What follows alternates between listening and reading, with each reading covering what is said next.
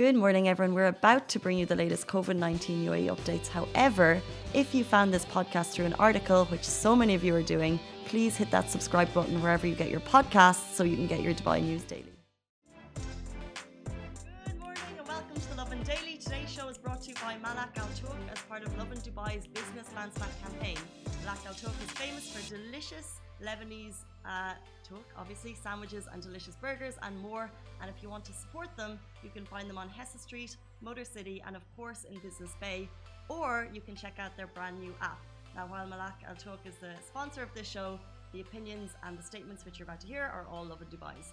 Good morning, everyone. Happy Sunday. Welcome to Lovin Daily. I'm excited to run through our top stories. We're going to be talking about the fact that there is a lunar eclipse happening outside right now. That will be our first story. Also, the fact that the RTA is urging you to remember to sterilize your car. And we'll talk a little bit about the bits that we're sterilizing and what's needed to happen.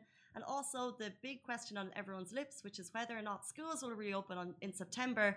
A lot of UAE education heads met yesterday, so we'll talk a bit about that. But the first story, which I think is very cool, is there is a partial lunar eclipse happening over the UAE right now. So the UAE Space Agency said a celestial phenomenon that's expected to look like a ring of fire. It began at 8:14 a.m. It's now 8:31 and it will continue until 11:12 a.m. They also shared the do's and don'ts for watching the eclipse, which is do not look directly at it. So that's key if you're if you're interested right now. And this is kind of one thing that we did right because I mentioned before we went live that there's something happening right right outside, and then the three of us went to the window and we're like, huh. But that is exactly what you should not do you can't look at it. Chai is laughing. So then what Chai did, morning Chai, rather than morning, rather than looking directly at it, then he put on his sunglasses to look directly at it, which is I think what most of us would do, right? It's polarized, right? So But the yeah, so polarized if you're wearing polarized glasses, but they also said you can't look at it through your eyes, regular glasses, or through cross polarized filters, or if you have a telescope that is damaged, you also cannot look at it through that. So definitely check it first. Um, they only uh, they remind you to use only glasses that are specifically made for solar viewing. Um, so if you're curious and you want to look outside, it's also very cool because the uh, they have a live happening right now. So a Facebook live on the Dubai's international, uh, sorry, Abu Dhabi's International Astronomical Center. They're broadcasting the live right there. It started a couple of minutes ago, like I said. So if you want to check it out, I remember like I think maybe six months ago we were walking to work and the whole sky was dim during the eclipse. It doesn't look like that's happening right now, but it's definitely a. It's not as bright of a morning. I'm glad I can't see it here. Um, but there is. It will happen soon. It will happen. Well, do you think it gets more dim as the time goes on? It should, right? The moon's gonna cover the sun. But has that already started? Because when Chai looked, he said he could see like a slight yeah. ring. So I think, yeah, I'm not sure. The last time I remember coming in, and I there was a, a man on the street I met in Marina, and he had the proper so, solar glasses to view it, and he was outside for that purpose. So I asked him if I could borrow them to have a look, and it was very cool. So I think through a telescope is the best. A telescope, excuse me, is the best way to see it, or get onto that Facebook Live right now, or straight after this live, to check it out because it'll be very cool. Um, but we'll move on to our next story, and it's the RTA is urging Dubai motor, motorists to sterilize your car to combat COVID 19. So you're washing your hands regularly, but are you washing your car? Uh, the RT said your safety depends on the cleanliness of your vehicle, and you should clean it before and after every single journey. And they also said to concentrate on these five major touch points. Touch points is a pun, I quite like it.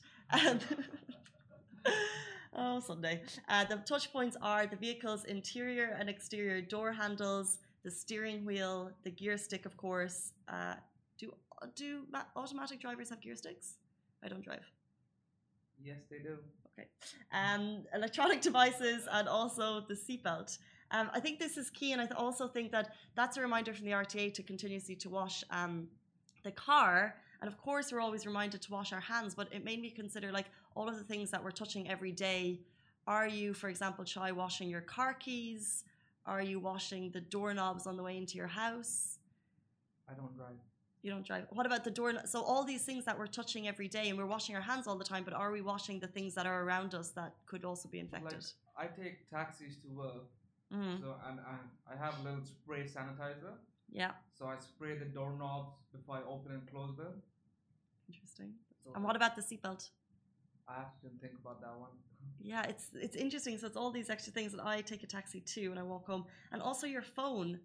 No, but, but the thing is, as soon as I step out of the taxi, I sanitize my hands. So I think yeah, exactly. That should be all right. Exactly. Yeah. So I think it's a continuous reminder to wash our hands. Yeah. And what about your phone? I'm continuously aware of my phone because I touch light switches on the way in, and then I'll wash my hands, but then I'm touching my phone in between, and because that's in our hands constantly. So tricky because phone is a tricky one. Uh, I, I haven't wiped my phone. I actually did this morning when I was thinking about these stories.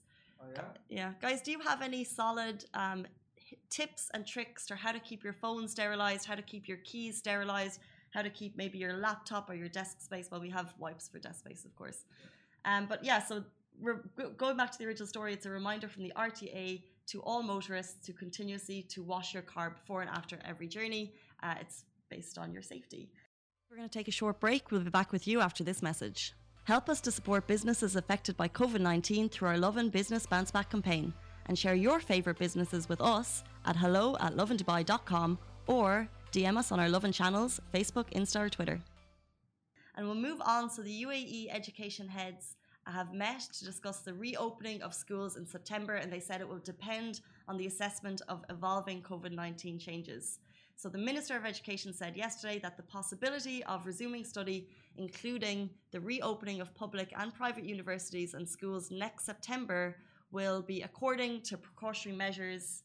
Excuse me, according to precautionary measures and depending on assessment of evolving changes related to COVID 19. So we don't have a decision just yet.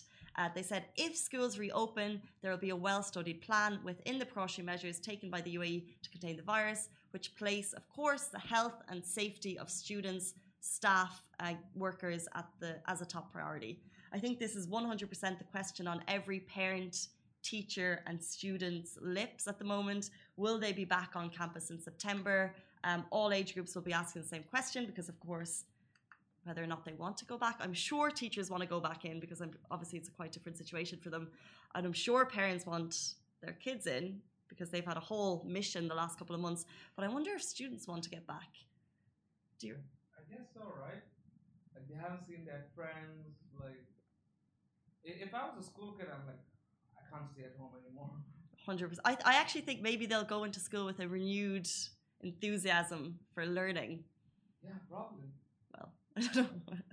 I think they'll go in with a renewed enthusiasm to see their friends more. But a hundred percent, I couldn't imagine being a student at any age and just missing that kind of friendship. Even my niece, she's only three, so she was taken out of. She's in London. She was taken out of her KG class, and she's even kind of noticed the fact that she's not seeing her friends at the moment, and that's three. So even from a very young age, I think that kids really need that friendship. Especially in these early stages of life. Yeah. And then going on to university. Do you reckon university students want to go back? That's tough. Like, I don't know. They love their freedom, I'm sure. Like yeah, like I actually like, I would want to go back if I was in university. Ah.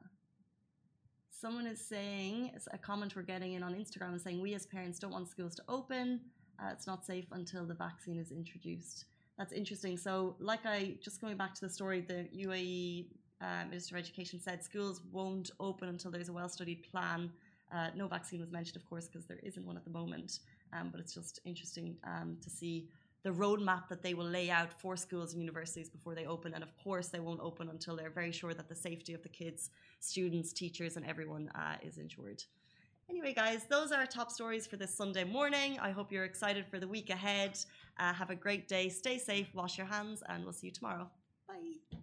Guys, that is a wrap for the Lovin Daily. We are back same time, same place every weekday morning. And of course, don't miss the Lovin Show every Tuesday where I chat with Dubai personalities. Don't forget to hit that subscribe button and have a great day.